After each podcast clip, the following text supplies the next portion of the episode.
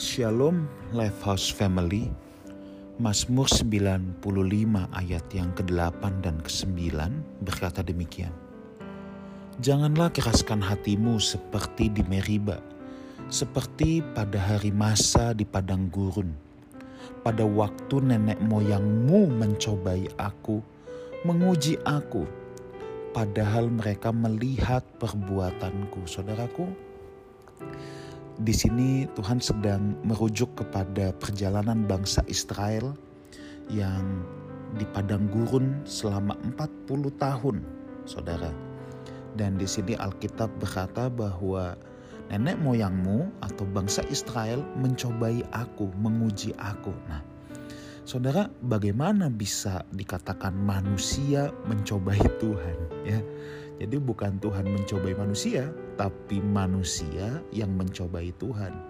Bahkan bukan Tuhan yang menguji manusia, tetapi di sini bangsa Israel yang menguji Tuhan. Kenapa sampai Tuhan bilang seperti itu?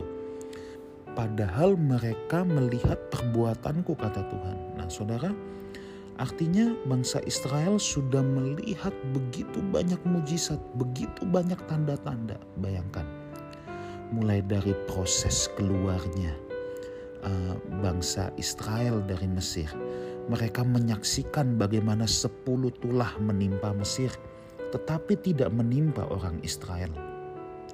Mereka menyaksikan bagaimana ketika mereka dikejar-kejar oleh pasukan Firaun, lalu laut mati terbelah dua, mereka bisa berjalan di tengahnya.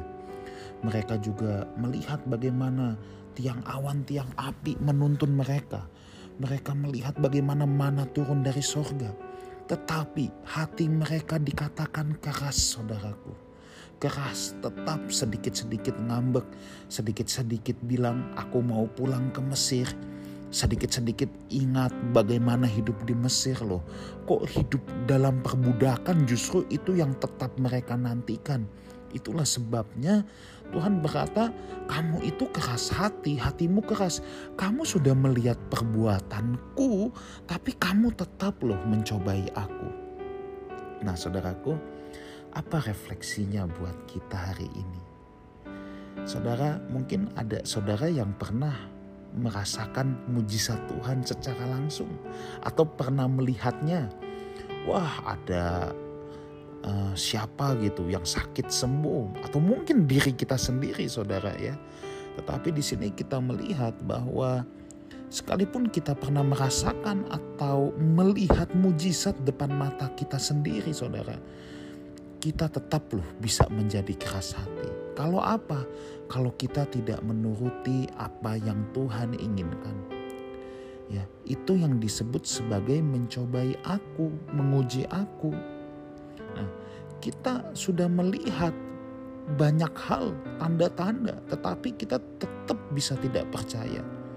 Atau saudara berkata bahwa tapi aku belum pernah melihat tuh, aku belum pernah merasakan mujizat secara langsung. Oh iya, sama saja saudara ya. Uh, kita sudah melihat fakta 2000 tahun yang lalu. Yesus pernah hadir di bumi ini, pernah datang saudara dan pernah mati dan pernah bangkit.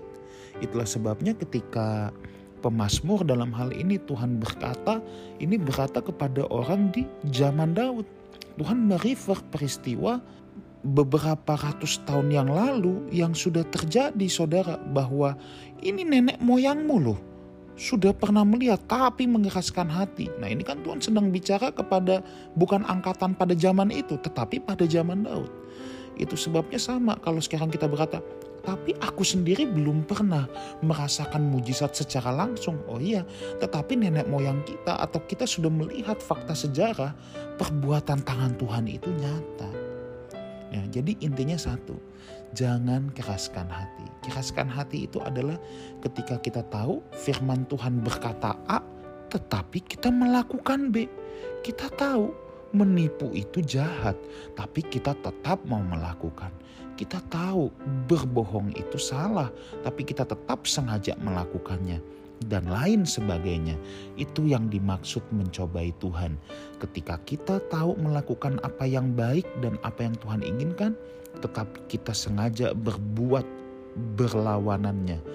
Itulah mencobai Tuhan dan menguji Tuhan. Saya berdoa Life Force Family menjadi orang-orang yang lembut hati bukan keras hati. Tidak mencobai Tuhan tetapi menjadi orang-orang yang taat kepada Tuhan. Tuhan menyertai kita semua. Haleluya.